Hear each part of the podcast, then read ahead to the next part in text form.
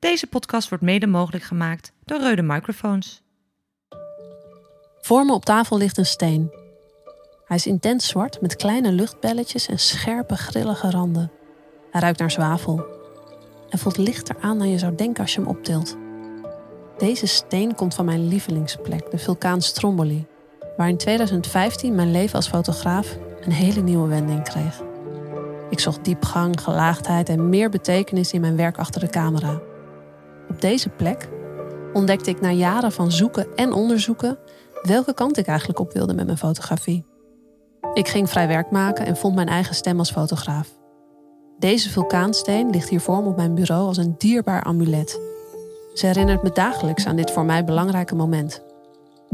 Aan de piepkleine zoutkristallen op de zwarte rotsen, de hitte van de gloeiende lavabommen, het avontuur, het gevoel dat ik leef en mijn noodzaak als maker om verhalen te vertellen. Welkom bij de Fotograaf Podcast. Mijn naam is Maartje Strijbis, ik ben fotograaf en coach. Mijn moeder zegt altijd dat ik nieuwsgierig geboren ben en ik denk dat ze gelijk heeft. In deze podcast ga ik in gesprek met mijn favoriete fotografen. Authentieke, visuele stemmen met hun eigen verhaal. Hoe kijken zij naar de wereld? En hoe vertalen zij hun persoonlijke blik op de wereld naar beeld? Aan de hand van foto's, persoonlijke voorwerpen en fotoboeken praten we over hun maakproces, dromen en fascinaties. Waarom staan zij achter de camera? Wat zijn hun drijfveren om te creëren? Waar haal je eigenlijk je inspiratie vandaan? En hoe ga je om met creatieve blokkades?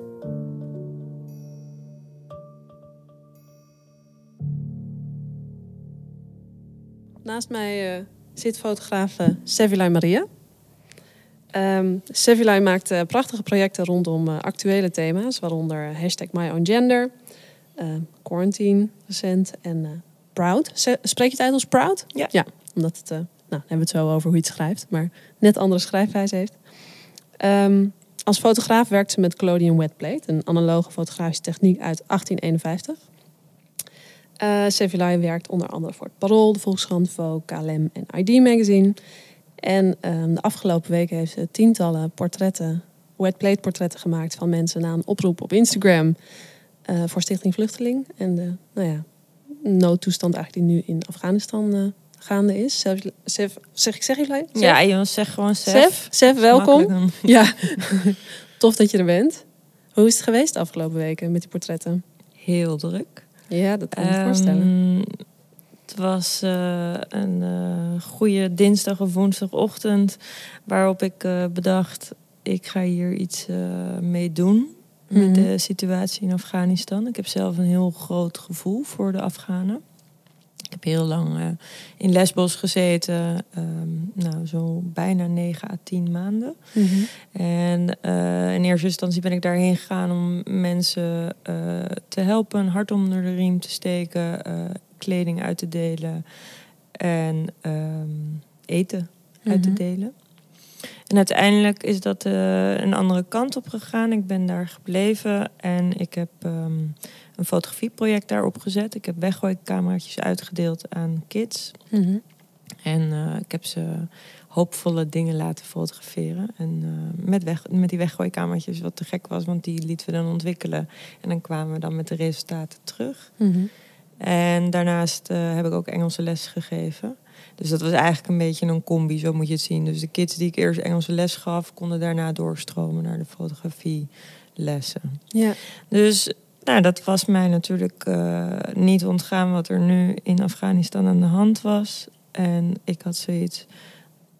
Als ik daar nu fysiek heen kan gaan, dan zou ik dat doen. Mm -hmm. nou, dat was niet het geval, omdat wij als fotografen en journalisten niet die kant uit kunnen.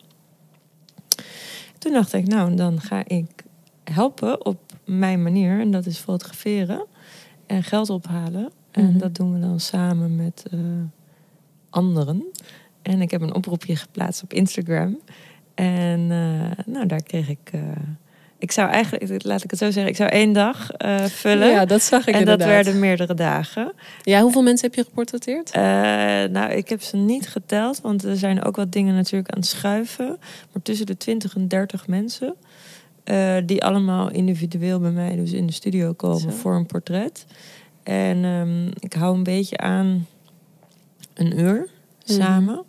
Maar er, nou ja, zoals jij nu met mij een podcast opneemt, in een uur gebeurt er veel, wordt veel verteld. Dus het was eh, bijzonder. ja? Wat, Ja. wat is het meest bijgebleven? Van... Mensen zijn heel open, vertellen veel over hun eigen leven. En ik deel ook een deel van mijn leven. Mhm. En je maakt iets moois en daarin heb ik mijn tijd ingelegd en zij leggen geld in. En dat we daarmee dus ja, iets goeds doen, dat is wel eh, ja, gewoon super cool. Ja, Toch? absoluut. Ja. Nee, dat is super cool. Dat vind ik ook. ik vind het waanzinnig dat je dit doet. Volgens mij, ja, ik zag het voorbij Ja, het komen. is, het is iets wat voor mij in mijn aderen gewoon zit om, om, om mooie dingen te doen voor elkaar. Dus En waar komt dat vandaan bij jou? Dat, ah, toch, ja, mag ik het engagement noemen? Is het engagement? Of drive? Of wat is dit? eh, ja, Empathie voor je? Ja. Weet je, ik ben zo rijk in mijn geluk en waar ik ben geboren en met mijn sociale leven en met mijn werk. Als ik daardoor eh, iets voor een ander kan doen en even mijn eigen geluk opzij kan zetten, dan doe ik dat. En dat is iets voor mij wat gewoon logisch is. Ik vind het niet logisch als je dat niet doet.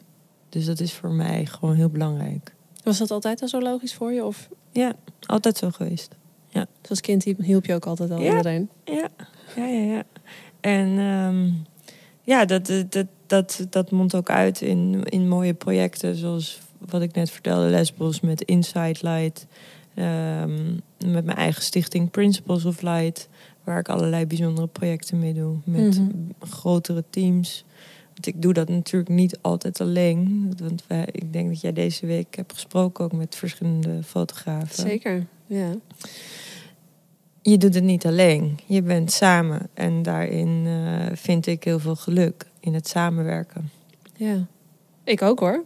Ja, je zegt het heel mooi eigenlijk inderdaad. Dit ook deze podcast zonder bijvoorbeeld Jozef die hier tegenover mij zit al twee weken lang de- als geluidsman met een geweldige energie. Dat eh tilt elke keer deze dagen op. Ja, of camera.nu die dit mogelijk maakt. Dat ook. Nee, tuurlijk. Je doet het absoluut niet alleen. Het, Ja. En ook niet alleen met je gast. Nee, dat is helemaal waar. Wow, wat meteen echt helemaal zo de diepte in aan het begin van het gesprek. Mooi. Hm. Ik zit even te denken. Jij hebt ook een verleden als topsporter, toch? Klopt. Ik, ik vind het grappig. Dat dat draagt, op welke manier ehm, speelt dat nu nog een rol in jouw leven? Nou, als topsporter, eh, ik heb in het Nederlands team kunstzwemmen gezeten. Ehm, je, moet, je moet je even voorstellen, als jong meisje was ik bang voor water. Ik vond het helemaal niet prettig om te douchen of om te zwemmen. Toen bleek dat ik talent had. En ehm, Hoe kom je daarachter als je bang bent voor water? nou ja, ik wilde er gewoon niet in. Ik ging gewoon gillen. Nee, maar ik bedoel, eh, hoe kom je er dan achter dat je wel dat je talent hebt? Als je... Oh ja, nou ja, dat eenmaal op het moment dat je weet toch van vroeger dat de zwemjuf zo eh, voor jou eh, zwemt. Mhm. En dan laat ze je zo los. En dan ineens ben je alleen aan het zwemmen. Ja, dat vond ik dus heel bijzonder voelen. Omdat je dan in één keer een soort van eh, ja, gewichtloos bent. Mhm. En toen bleek dus dat ik een goede slag had. En goed was met mijn adem inhouden. En nou ja, Mhm. al die dingen bij elkaar opgeteld heeft ertoe geleid dat ik, eh, ik was al echt volgens mij 11 of 12 dat ik Nederlands jeugdkampioen eh, werd. Mhm. En voor ik het wist 30 uur per week aan het trainen was. Zo. Dus voor mij is eh, iets herhalen, iets heel vaak doen. En creativiteit, want dat heb je ook met kunstzwemmen. Want je maakt je Mhm. eigen eh, kuur, noem je dat. ja. Ehm, ehm, zat er dus al in. Plus, kunstzwemmen was een beetje een gekke sport binnen de sporten. Ja. En als je dat nu terugkoppelt, wat ik nu doe, is met een hele bijzondere techniek werken. Uh, dus dat is ook het bijzondere stukje in de fotografie. Creativiteit en doorzetten en uh, flink herhalen. Mhm. Dus dat, dat, dat komt heel erg overheen. Ik denk dat die, uh, dat topsportverleden heel veel invloed heeft gehad met waar ik nu sta in mijn leven met mijn werk. Ja, nou ja, je legt het ook heel mooi uit dat het eigenlijk een soort één op één doorvertaling is in een andere tak van sport, om het maar even zo te zeggen. Als we het daar dan over hebben, hè, want je zei net al, oh, laten we het niet de hele tijd over dat wet plate gaan hebben, maar toch om het er eventjes wel over te hebben. Wat is collodium wetplate, voor degene die het niet weet? Ja, een collodium wetplate is een oude techniek. Een van de oudste. Uit 1851 komt de techniek. Mhm. Je maakt een eh, glasplaat of een uh, tinnen plaat lichtgevoelig met de emulsies die je zelf maakt. Mhm. Volgens de oude recepten uit 1851. Die plaat wordt lichtgevoelig, gaat nat in de camera. Uh, die plaat wordt belicht en vervolgens moet je die meteen ontwikkelen omdat die na plat nat moet blijven. Mhm. En dan heb je dus een uh, glazen plaat of een tinnen plaat waarop een afbeelding is van zilver. Mhm. En daar is er maar één van. En dat is een unicum. En dat maak je met een technische camera. En ik werk met een 11 bij 14 inch camera. Dus dat is Mhm. uh, large format. Mhm. En dat is in omgerekend 27 bij 35 centimeter. Het mooie van de techniek is dat het een combinatie is van fotografie, ambacht en chemie. Mhm. En als je die drie dingen beheerst, kan je mooie webplates maken. Ja, en dan dus die hele bak creativiteit die in jou zit, daarbovenop, maakt dat jij misschien wel hele bijzondere, uh, actuele en sociaal uh, belangrijke thema's aanpakt met een techniek die. Ja, weet je wat het was, Maartje? Ik, ik uh, beheers die techniek nu inmiddels acht jaar. Mm. En die techniek is een beetje zo het ondergeschoven kindje in de fotografie. En daar zei ik van, nou, dat ga ik gewoon hip maken. en ik ga ervoor zorgen dat andere mensen dit zien en dat ze dit super cool gaan vinden. En dat dat niet een oude mannen krentenbrood ding is. Mm -hmm. en, uh, Van allemaal oude gasten die dat dan. Ja, uh, weet je, het is, een, het is een hele mooie techniek, maar het is ook een hele dure techniek. Ja. Dus dat is het niet per se dat als jij 3, 24 bent, dat je daar het budget voor hebt om dat allemaal aan te schaffen en meteen te gaan doen. Want hoe heb jij dat dan gedaan? Ja, nou ja, het was meer dan tien jaar geleden heb ik de documentaire gezien van Sally Mann. Mhm. Ik, misschien ken je daar wel. Ja. Dus een fotograaf uit Amerika heeft een uh, prachtig boek gemaakt um, over haar kinderen werkt veel met de Colonial Webplate techniek. En um, ze is een vrouw die um, stoer is, uh, intrigerend, um, creatief.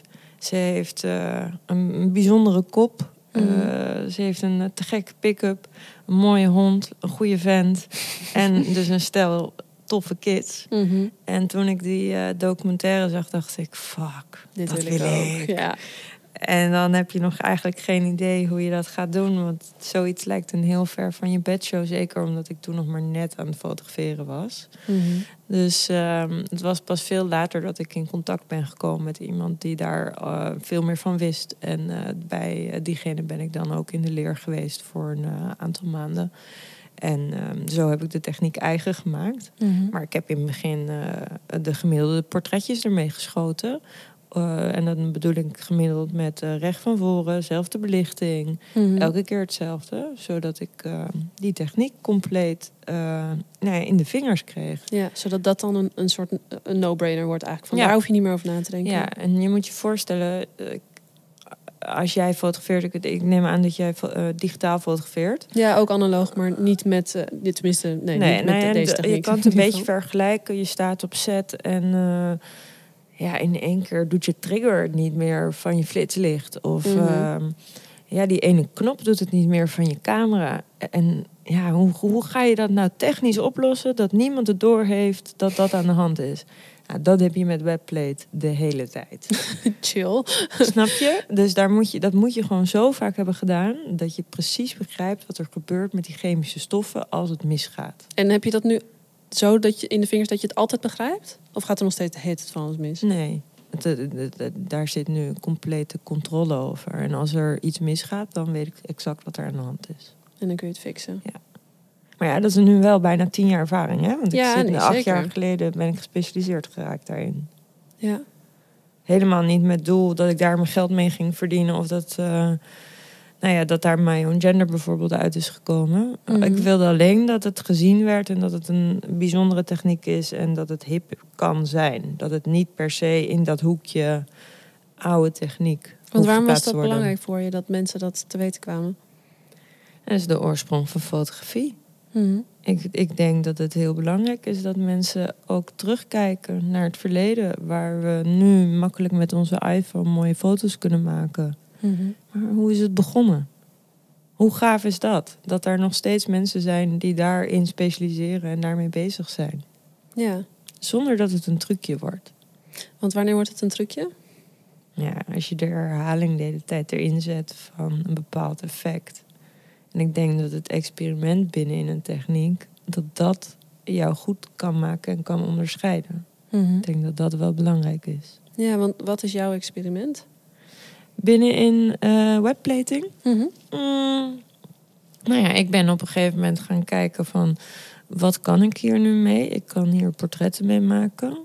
Kan ik hiermee ook mijn stem laten horen? Ja. Mhm. Zal ik dan echt een kick-ass eh, onderwerp pakken... wat helemaal eigenlijk haak staat op die techniek? En toen kwam ik uit dus bij gender... Mhm.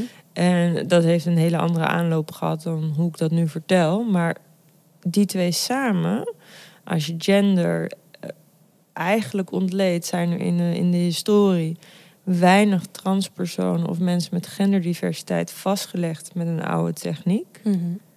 Hoe cool dat ik dat nu kon doen en dat daardoor de geschiedenis eh, even, nou ja, een soort van gehusseld werd. Ja.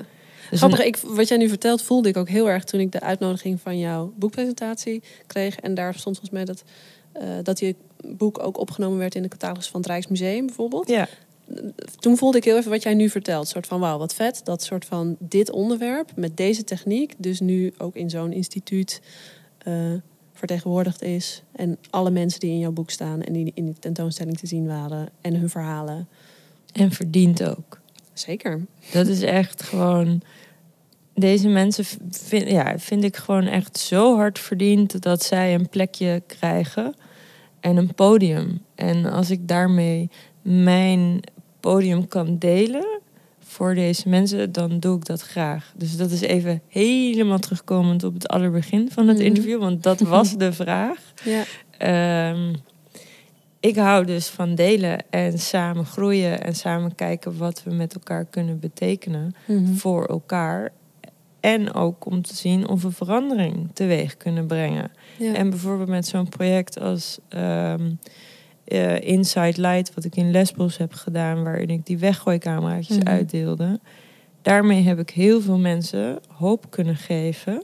Maar tegelijkertijd heb ik zelf ook heel veel geluk eruit gehaald. Want die kids kreeg ik foto's van terug. Mhm. Ik had niet zo dicht bij de familieleden kunnen komen als dat zij konden komen met de foto's die ze maakten. Ja. Te gek. Dan is het voor mij een geslaagd project. Mhm. Aan beide kanten geluk. Ja. Ja, mooi hoe je dat zegt inderdaad. Dat het dus ook heel erg over verbinding daarmee gaat. Zonder dat je je een soort van toegang toe-eigent. Of iets Maar- oplegt wat vanuit jou komt. Eh, Maar ook Maartje met een beetje toevalligheid, hè? ja. Want dat is dan het cadeautje wat eruit komt. Mm. Dat is echt niet zo voor door mij van tevoren helemaal uitgedacht dat ik denk, nou, dat ga ik nu eens even zo aanpakken. Nee, het is heel Nee. intuïtief. En is dat altijd je werkwijze? Of was dat op Lesbos in dit project zo? Ja, Lesbos was heel intuïtief. Ehm My Own Gender is een multidisciplinair project van mij. Mhm. Daar heb ik dus eh, de webplay techniek gebruikt om 35 personen die op het genderspectrum zitten Mhm. vast te leggen.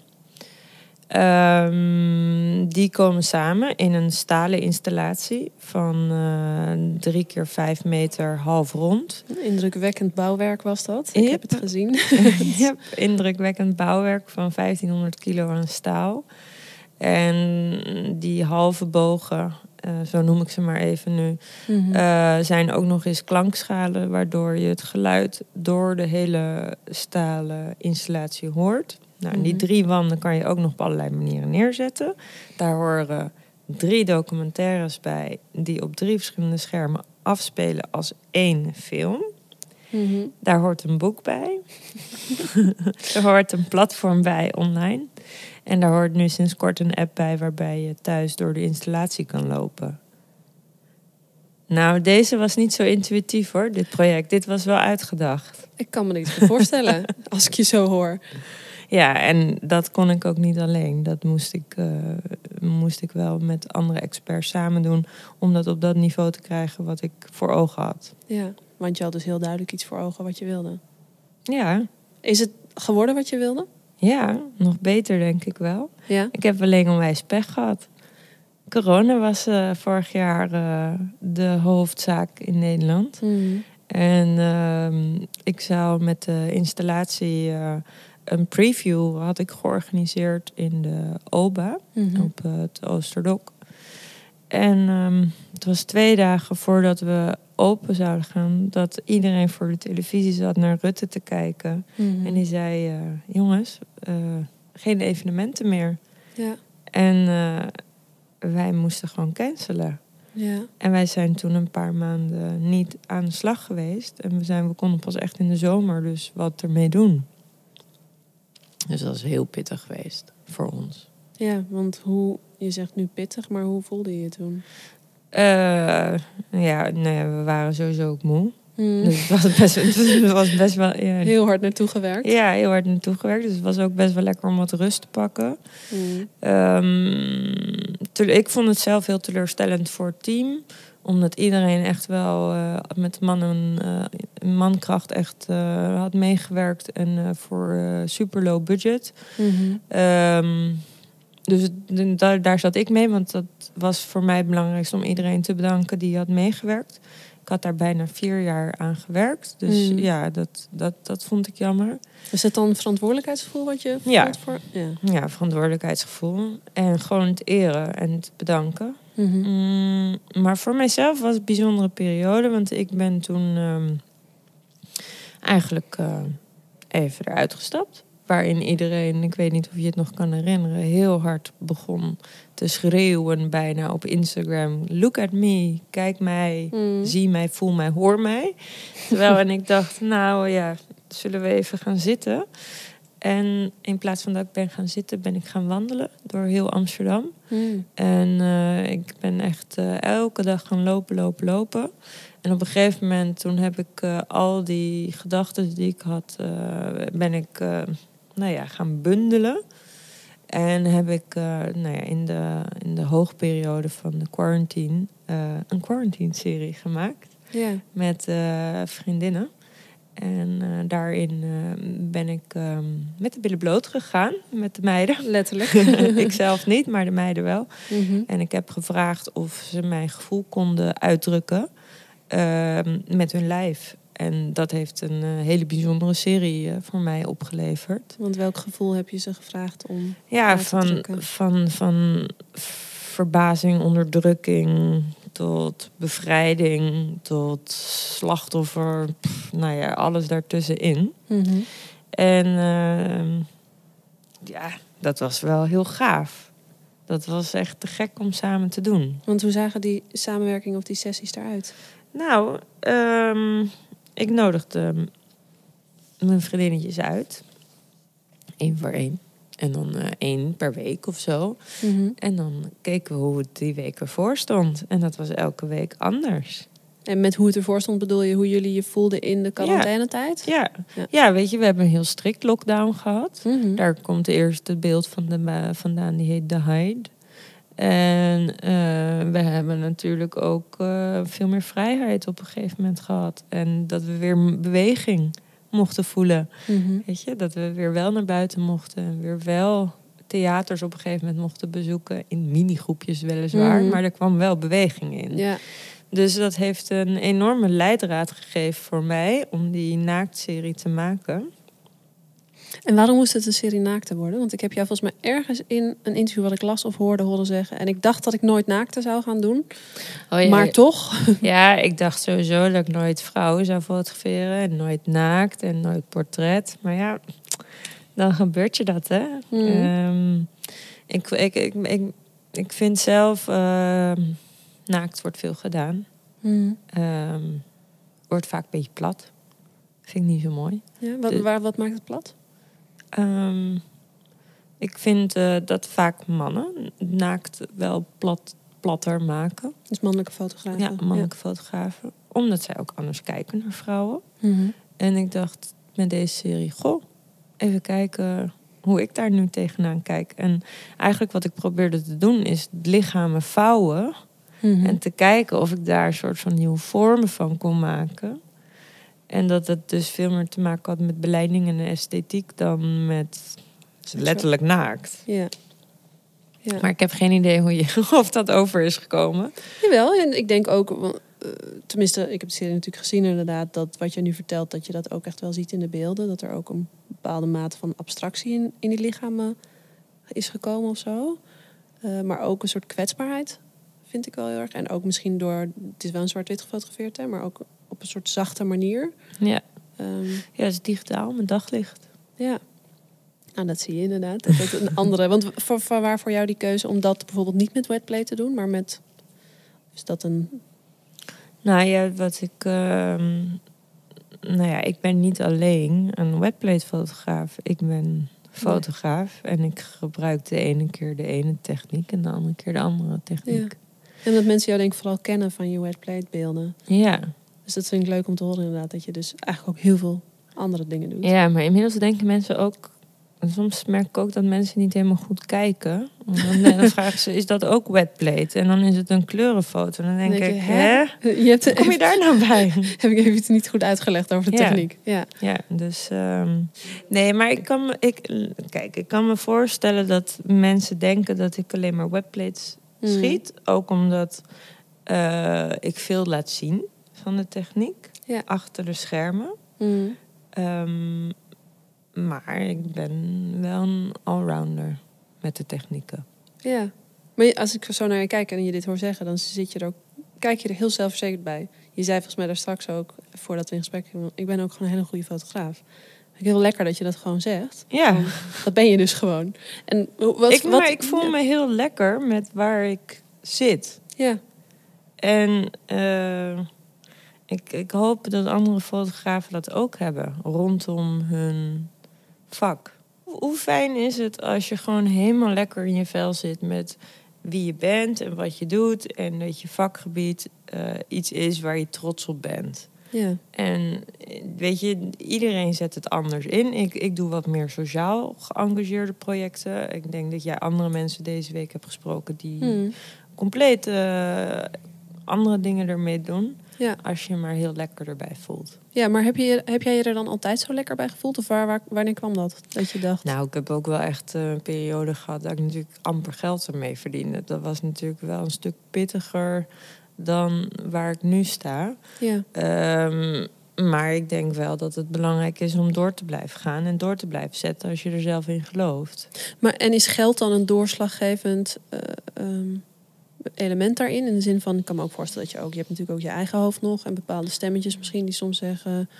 eh, of misschien heb jij die helemaal niet, hè? Die stemmetjes die zeggen... oh, ben ik wel goed genoeg? Kan ik dit wel? Of weet je wel, wat, eh, waar loop jij tegenaan? Nou, Of liep jij daar eens tegen? geld is nooit doorslaggevend geweest voor mij. Mhm. Eh, voor mij was het doorslaggevend als ik iets tof vond. En ik had dan bijvoorbeeld een mooi voorbeeld met My Own Gender. Dat is een project geweest waar veel geld in zit. Mhm. Dat heb ik elke keer gemaakt met een gat, zeg maar, in het budget. Dus elke keer kwam ik weer 20.000 tekort. En dan ging ik weer op zoek. Mhm. En dat is iets wat heel mooi is en waar niet zoveel over gesproken wordt in de fotografie. Mhm. Over je dagprijs wordt niet zo snel met elkaar eh, overlegd. Ja. En over hoe je je projecten financiert. En ik denk als daar meer openheid over komt, dat we met z'n allen ook als hele branche wat meer vooruit kunnen gaan. ja, dat zou super fijn zijn. Ja, dat Waarom, is, waarom zit daar zo'n taboe op, denk je? ja, wa- waarom denk jij dat daar zo'n taboe op ja, zit? nou ja. Ehm, omdat mensen misschien ook ergens elkaar denken elkaars concurrentie te zijn op commerciële opdrachten misschien. Ja, ja. Ehm, of misschien soms angst. Ben ik te duur of ben ik te goedkoop? Ehm, straks vragen ze me niet meer. Of ze, ik, ik weet het niet. Ik denk dat het heel veel redenen kan ja, en hebben. daarom denk ik dus dat het heel belangrijk is dat je dat soms even checkt met elkaar. Hoe doe Ja. jij dit? Hoe doe jij dat? Ik doe dat soort dingen best wel veel met een Mhm. aantal andere fotografen. Vind ik ook leuk. Mhm. En dan, eh, Heb je daar je vaste clubje voor? Je Oh ja, mensen ik met kan wel je- dingetjes overleggen hoor. Met eh, bijvoorbeeld Jitske Schols kan Mhm. ik wel iets aan vragen. En eh men zei ook aan mij. En dat is dan heel leuk. Want dan, Mhm. dat, dan hoef je ook niet voor te schamen dan. Wat je dan vraagt. Ja. En zijn dat dan dit soort zakelijke dingen die je uitwisselt met elkaar? Of Ja. bespreek je ook echt over je projecten, dingen waar je zit? Of doe je dat weer met andere mensen? Mm, ja, dat doe ik wel veel met mijn eigen mensen binnen, mijn, binnen in mijn team. Maar Want hoe ziet jouw team eruit? Sorry, ja, nou, ik werk met een, bijvoorbeeld een vaste copywriter. Mhm. vaste producer. Vaste agent, ehm, vaste designer, vaste webpower. Nou ja, nou, en zo Mhm. aan en zo aan. Dus dat zijn dan toch wel je klankborden Mhm. van is dit, is dit tof of is dit cool? Of mensen komen met eigen ideeën. Mhm. Dus ehm, daar bespreek ik weer wat minder inhoudelijk het zakelijke over, maar meer eh, juist de creatieve kant. Ja, want is er dan één iemand van die mensen, of misschien nog heel ander iemand, wiens mening voor jou echt een soort van doorslaggevend is of heel belangrijk is? Ja, mijn partner. Ja. ja, zeker. Eh, als hij zegt dat het goed is, dan. eh, Dan vertrouw je daar helemaal Ja. op. maar dat, dat is, bedoel, dat levert thuis best wel eh, pittige gesprekken op. Ik weet niet hoe dat bij jou thuis gaat, maar Mm. ik bespreek best wel veel rondom mijn werk thuis. En ehm, ja, hij is wel heel belangrijk voor mij wat hij daarvan vindt en hoe hij daar tegenaan kijkt. Heeft hij zelf ook een creatieve? Nee, hij heeft geschiedenis gestudeerd. Dus hij heeft een heel ander soort achtergrond. Dus voor hem is het heel belangrijk dat het een bepaalde gelaagdheid heeft. En, Ja. ja. ja, Mooi, dus die kijkt, heeft, dat heeft natuurlijk ook een meerwaarde juist Ja. voor jou dat hij die eh, achtergrond heeft, kan ik me voorstellen. ja, Tenminste, ik denk even aan mijn eigen relatie. Mijn, eh, mijn liefje die heeft eh, een achtergrond ook als filosoof en van het theater ook. Ja. Wij praten ook heel veel over werk. Ja. niet alleen mijn werk, ook zijn werk. Maar dat zou voor mij ook echt een gemis zijn als ik dat niet, eh, niet kon doen. Het zou eigenlijk ook helemaal niet kunnen, denk ik. ja. Nou, wat, wat ik als een van de meest bijzondere dingen heb ervaren van de afgelopen twee jaar, is de samenwerking met mijn. Dat klinkt zo raar, mijn copywriter. Met mijn Mhm. vriendin Marlies. En zij is copywriter. En zij heeft de woorden kunnen geven aan de beelden die ik maak met de gedachten die ik aan haar gaf. Waarin ik zelf niet gestructureerd die lijn kon leggen om een goed verhaal daarvan te maken, konden we dat samen wel. Ja, dat is zo lekker als iemand je taal spreekt en vervolgens jouw taal kan vertalen naar woord. Nou, dat is heerlijk. Die want, want wat heeft zij gedaan wat jou zelf niet lukte? Zij heeft alle teksten geschreven voor My Own Gender. Nou, dat Mhm. is echt gigantisch veel. Ja. Dat is dus van persoonlijke verhalen van de 35 modellen tot over het project, over de film, over het boek, Mhm. inhoudelijk in het boek. Ja, dat is fantastisch als iemand dat voor jou kan doen en met jou kan doen. Ja. Ik heb je gevraagd om ook een foto mee te nemen. Hè? Jouw eigen favoriete of belangrijkste foto uit je eigen oeuvre. Dat is altijd zo'n groot woord, maar wat heb je meegenomen? Nou, ik heb een uh, cyclé-print meegenomen van ehm Roefke Carmichelt. Zij is relatietherapeute. Ehm, zij is 80. En ehm, zij is een van de eh, nieuwe modellen voor mijn project eh, van 70-plussers. Mhm.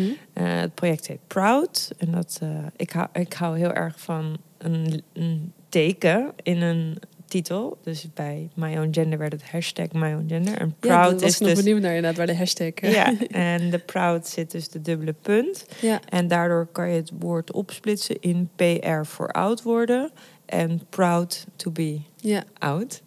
En, ehm, Proud to be out. Ja. echt een goede slogan. Dus zij heet dus ook Trots op Leeftijd als subtitel. En eh, dit is een project wat ik samen met iemand maak. Zij heet eh Michaela. En Michaela is de initiatiefnemer samen met mij. Mhm. En, ehm, Is zij ook fotograaf? Nee. ze- Nee, dus zij zit veel meer in de productiekant van Mhm. dit project. Dus eh, zij verzamelt de mensen en inhoudelijk bewaakt zij de structuur. En ik bewaak het gedeelte beeld en eh, design. Fijn. Ja, Tenminste, ik kan me voorstellen, Ja. fijn om dat zo samen aan te ja kunnen. dat is heel fijn. En ehm, die foto die ik mee heb genomen straalt voor mij ehm, rust en ehm, met plezier naar de toekomst kijken uit. Mhm. Iets waar we zo bang voor zijn is...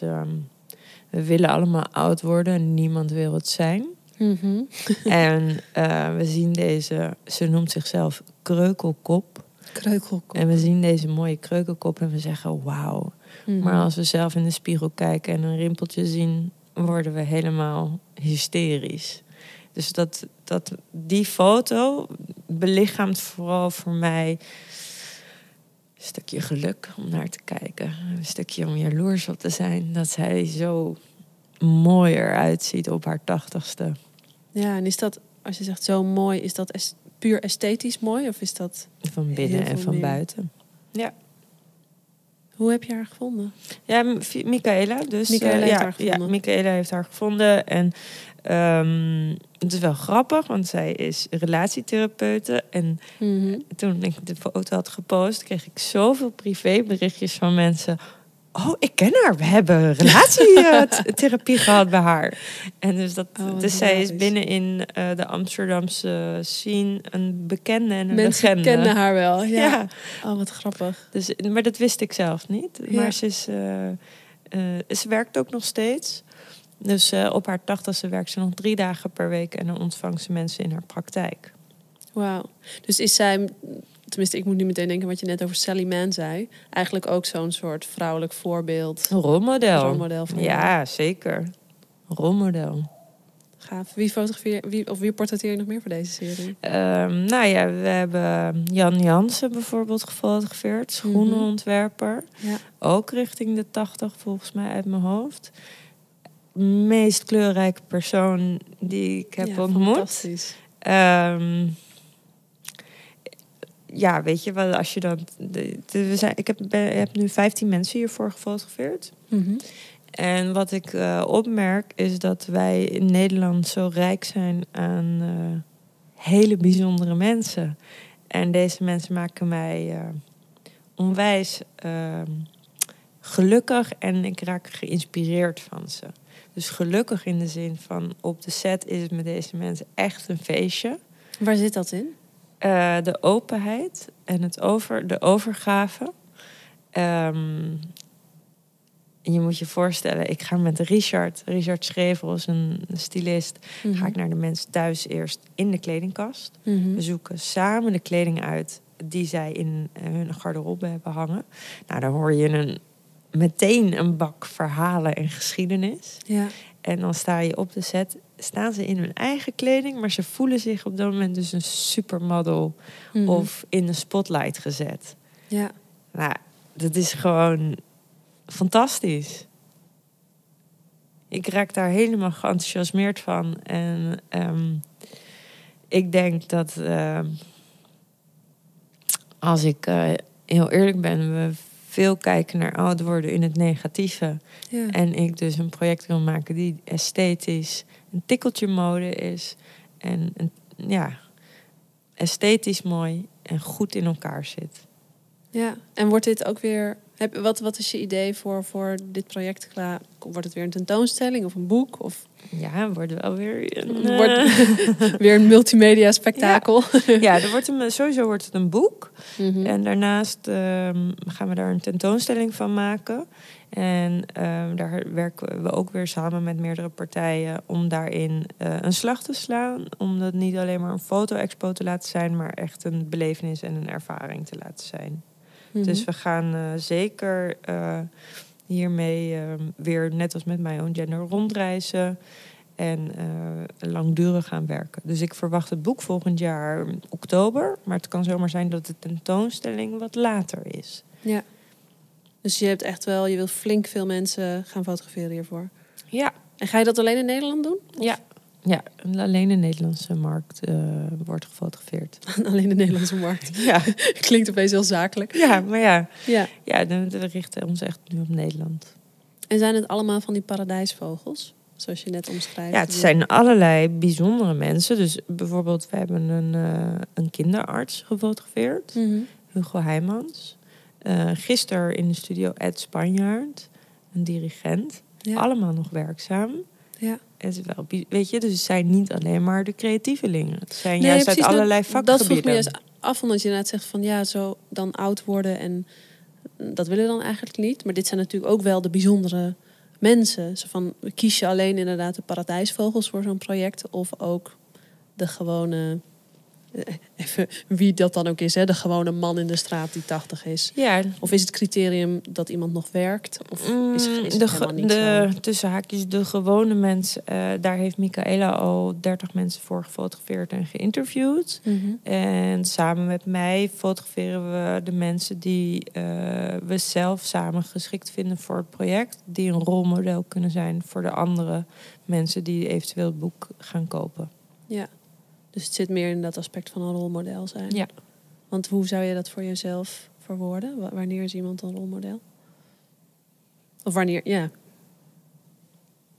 Wanneer je naar ofwel de foto ofwel de tekst kijkt en leest, dat je denkt: oh wow, zo kan het ook. Die, hier wil ik meer van weten. Mhm. En dus dat je daarin inspiratie eh, vindt. Ja, dus het zit vooral ook echt in die inspiratie. Want waar haal jij verder inspiratie uit voor je werk? Of weet ik veel, mag ook veel breder zijn dan je werk. En gewoon jij als mens. Ehm, nou ja, wat ik eerder zei, dat wandelen met eh podcast op mijn hoofd, dat vind ik eh, heel fijn.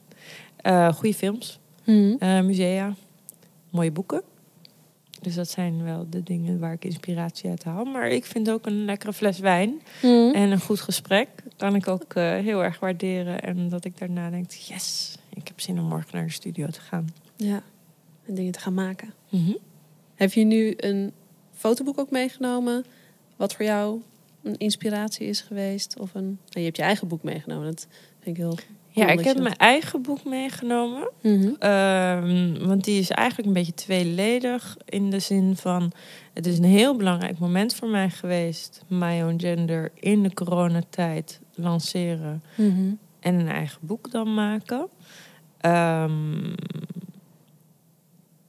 een boek maken is echt een van de allerleukste dingen die ik ooit heb gedaan. Ja? Ja, dus dat, dat is gewoon, daarom heb ik hem ook meegenomen. Dat ik dacht, dit wil ik aan iedereen doorgeven. Als je de kans hebt om een boek te maken, ga het doen. Waarom is dat zo leuk? Ja, je gaat gewoon heel anders naar je werk kijken. En je gaat daarna ook misschien wel anders fotograferen, omdat je meer in een serie of een boek gaat nadenken. Ja, vertel eens, hoe is dat bij jou veranderd daardoor?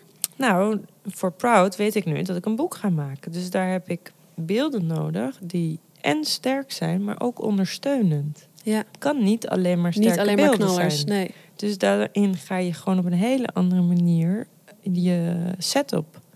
Dus eh, je maakt daardoor anders foto's dan daarvoor. En dat heeft het boek van My Own Gender mij geleerd. Van ik miste iets. Mhm. Dat ben ik toen daarbij nog gaan maken. De detail shots die erin zitten. En nu doe ik dat dus al Ja. met Proud. Ja, dat is gewoon al geïncorporeerd. Dat weet je nu, dat heb ik ook nodig. Dat hoort ook bij het verhaal. Ja. En degene, werk je met een vast iemand samen met wie je altijd je foto... Of altijd? Met wie, ga je weer met dezelfde persoon het fotoboek maken als je bij... Hmm, weet ik niet. Weet je nog niet? Nee, ik merk ook dat ik het leuk vind om met meerdere mensen samen te werken. Ja. Mm, want bijvoorbeeld eh, mijn teksten die ik normaal gesproken maak met Marlies... voor dit Mhm. project werk ik weer met iemand anders. Dus Ja. Dat, het, wisselt ook. Ja. En zoals met Marlies blijf ik wel rondom Sevilla en Maria Principles of Light eh, samenwerken. Maar voor Proud wordt dat toch ook wel weer een ander team. Is ook een nieuwe- andere tone of voice, is een Ja. andere doelgroep, eh, wordt een, een veel commerciëler boek. En daardoor ja, dan moet je ook weer meebewegen en zien wie daar weer bij passen. Mhm. Ja. Er ligt hier ook nog een heel mooi cameraatje op tafel. Ja, Wat is dat voor spannende camera? Ehm, ja dat is een eh, Polaroid camera. Die kan je uitklappen. En ehm, eigenlijk is het zo begonnen allemaal. Ja. Ja, ik weet niet hoe jij er ooit bent begonnen. Maar eh, bij mij was het eh, met vriendinnetjes eh, heerlijk in de kroeg. Daarna nog in de club tot heel laat in de ochtend. ja. En dan eh, foto's maken. En dan het liefst Polaroids, want die had je meteen in je handen. En je Ja. kon meteen dingen aanpassen. En we waren nog best wel jong. En digitale fotografie kwam net op. Dus nou ja, dat was nog echt helemaal out of our league. Met al die Mhm. apparatuur. En dit was meteen, we hadden het. ja. En dat is wel voor mij het allerbegin geweest voor mijn fotografie, liefde en carrière. Hoe oud was je toen? Nou, dat moet eh, begin twintig zijn geweest. Ja. Ja, en ik ben nu 37, dus 17 jaar geleden. Gebruik je hem nog wel eens, deze? Ja. Zeker. Vet. En dan gewoon met vrienden of echt voor je werk ook? Beide. Allebei. Ja, ik werk ook veel met Polaroid. Ik Ja? Vind je gek. het leuk? Ja. Ja, zeker. En ik heb ook nog wel zo'n ehm, in mijn Mamiya, dat ik ook een Polaroid bag die ik nog wel regelmatig gebruik. Oh ja. Dus dat, tenminste, hè, zolang de film, de laatste pakjes film die dan nog achter in de koelkast. Oh liggen. ja, ja, ja. Nou ja, voor Proud, dat is wel leuk, werk ik met 8 bij 10 inch Polaroids. Ja, Dus dat zijn van die hele grote. Alleen ehm, die worden dus niet meer gemaakt. Dus het is echt elke keer een beetje zoeken. Ehm, maar als je ze dan vindt, dan ja, dat resultaat is natuurlijk hartstikke tof. ja, ik vind het te gek. Ja, Tenminste, dat is natuurlijk wel weer als je begint met zo'n Polaroid cameraatje. Eh, het klinkt meteen heel oneerbiedig, maar dat als je, tenminste, dat vond ik de eerste keer dat ik het dan met mijn Mamiya deed en met dan die goede lenzen die daarop zitten en wat je dan opeens voor Polaroid eruit ja krijgt. dat omdat de kwaliteit zo, natuurlijk wow. fantastisch is. Ja, precies, maar dat Ja. heb jij natuurlijk met soort van met je wetplate nog in het kwadraat eigenlijk. waarschijnlijk. Nou, je raakt er ook een beetje aan gewend. Ja, is het al helemaal normaal voor jou? Ja. Is het niet meer zo bijzonder? Nou, het is wel bijzonder, maar ja, je raakt er gewoon aan gewend. Het is denk ik toch altijd als je iets voor het eerst ziet, dan is het, het dat wauw. En die, ik- die webplates, dat doe ik al acht, negen jaar. Dus, dat dus is, alle andere mensen om jou heen, of niet eens dicht bij om jou heen, maar Ik- bewonderaars nou ja. vinden het nog steeds helemaal. Ja, en ik moet wel eerlijk zeggen, ik heb een hele leuke assistent, Ilse. En die zei wel, jeetje, ik zie jou dus nog steeds wel springen in die doka. Dus ik, dus ik word wel enthousiast, maar ik ben er ook aan gewend geraakt. Ja. Ja, ik kan me voorstellen dat dat met tijd gewoon. Zeker met hoe ik jou nu hoor over je werk en wat je. de hoge standaard. Die je, wanneer is het, is het ooit goed genoeg voor jou wat je maakt? Nee. Nee, ik ken je nog niet zo goed, maar wat ik hoor, denk ik, volgens mij heb je een behoorlijke lat. Ja, dat, de lat ligt hoog. Ja, Eh, Bij jou? ja enorm. Maar ik, vind, ik kan dat ook lastig vinden dat het. eh, Ik, dat maar, het ik, altijd zo hoog ligt. maar ik vind het ook leuk, want het is een soort Mhm. wedstrijdje met jezelf. Ja. Nee, maar daarom, ook met die topsporter die dus in jou zit. Het, het- ik vind het eh, ook knap of zo, dat je dat zo eh, altijd doorbeukt. Of kan je, kan je ook goed weekend nemen en ook goed chillen? Nou, Gewetensvraag. ik werk wel veel. Ja. Maar ik vind het heel leuk. Dus eh, ja, ik haal daar heel veel plezier uit. Minder behoefte aan weekend. Ik heb ook wel weekend hoor. Hey, en hoe, want je hebt ook een tijdje aan de kunstacademie gestudeerd, hè? Dan heb je natuurlijk altijd zo die stok achter de deur en je moet veel maken. En hoe, hoe doe je dat nu als je het hebt over gewoon jezelf blijven, eh, nou, je zelf blijven ontwikkelen, zowel als maker, maar ook als mens. Ehm, inderdaad, niet in het vervallen van, in trucjes vervallen. Hoe blijf je daar scherp op? Mm, nog altijd workshops doen bij anderen. Met andere fotografen ook afspreken, studiobezoek doen. Ehm, maar ook actueel blijven met eh, actueel up-to-date met de krant lezen, po- de podcast luisteren. Ja, ben je een nieuwsjunkie? Ja. Ja? maar dan wel correspondent en ehm, eh, echt opiniestukken lezen. Weet je, dus wel minder eh, nieuws van de dag. Maar dat, eh, dat vind ik ook belangrijk, want dat houdt ook wel weer je scherper op je eigen werk. Hoe je naar de dingen kijkt. Ja, op welke manier? Nou ja, dus het is denk ik voor mij wel belangrijk in mijn werk hoe de wereld ook verandert en hoe, hoe, ja, hoe we daar met z'n allen ook een, ehm, hoe zeg je dat? Een onderdeel van zijn. En eh, het is niet voor niets dat ik weer een sociaal onderwerp kies. Oud worden. Ja. Je ziet het al veel in het nieuws, maar het wordt in mijn ogen nog niet op de juiste manier belicht. Dus als ik niet. Nou ja, dat, dan blijf je wel heel veel nieuws volgen en kijken oh, hoe gaat dat dan en wat Mhm. is daar dan over te vinden. En, Want nou ja, wat miste jij zelf of wat mis je daarin? kracht, schoonheid, dat het te gek is om oud te worden, In plaats van alleen maar problematisch en vreselijk en rimpels. et cetera. Ja. Vet. Exact. Heb, ja, heb je, heb je nu een hele lijst met dit soort onderwerpen liggen waar je nog aan wil gaan werken? Of hoe, hoe eh, heb je. Nee. kijk je gewoon, ik rol uit een project en dan komt het volgende? Of hoe werkt dat bij jou? Ja, nu zit ik helemaal in het onderwerp. En daar werk ik dus een paar jaar mee. Mhm. En dan is er even een periode van rust en dan weer een nieuw onderwerp. Wat op dat moment voor mij actueel is. Ja. Als mensen nu beginnen, hè, beginnende fotografen, wat, wat, wat zijn jouw. eh, wat wil je ze absoluut meegeven? Nou, ik denk als beginnende fotograaf dat je een beetje brutaal moet zijn. En je lievelingsfotograaf gewoon moet e-mailen voor een studiobezoek. Ja. En daarmee gaat praten. Ik denk dat dat eh, belangrijk is. Super cool, toch? Als je met je favoriete fotograaf kan kletsen. Mhm. Ik zat eh, anderhalf jaar geleden bij een pitch van de Donkere Kamer. Ja. En ik zat voor Steven van Vleteren. Nou, je had me moeten zien. ja, hoe zat je daar? Heel erg als een blij ei. En daarna dat ik even iets kon zeggen ook tegen hem en even een, kan kletsen. Ja, dat ervaren we toch allemaal. Mhm. Dat is toch super? Daar haal je toch heel veel ja, energie uit en zin en drive om door te gaan. Ja. Heb jij iemand die jij helemaal te gek vindt en dat je diegene dan ontmoet en dat je dacht, ja, Eh, ja, heel veel verschillende mensen, absoluut. Maar ik heb dat nu afgelopen twee weken met het opnemen van deze podcast ook wel heel erg gehad hoor, met de gesprekken. Ehm, wat ik je net ook al even vertelde voordat we de microfoons aangingen.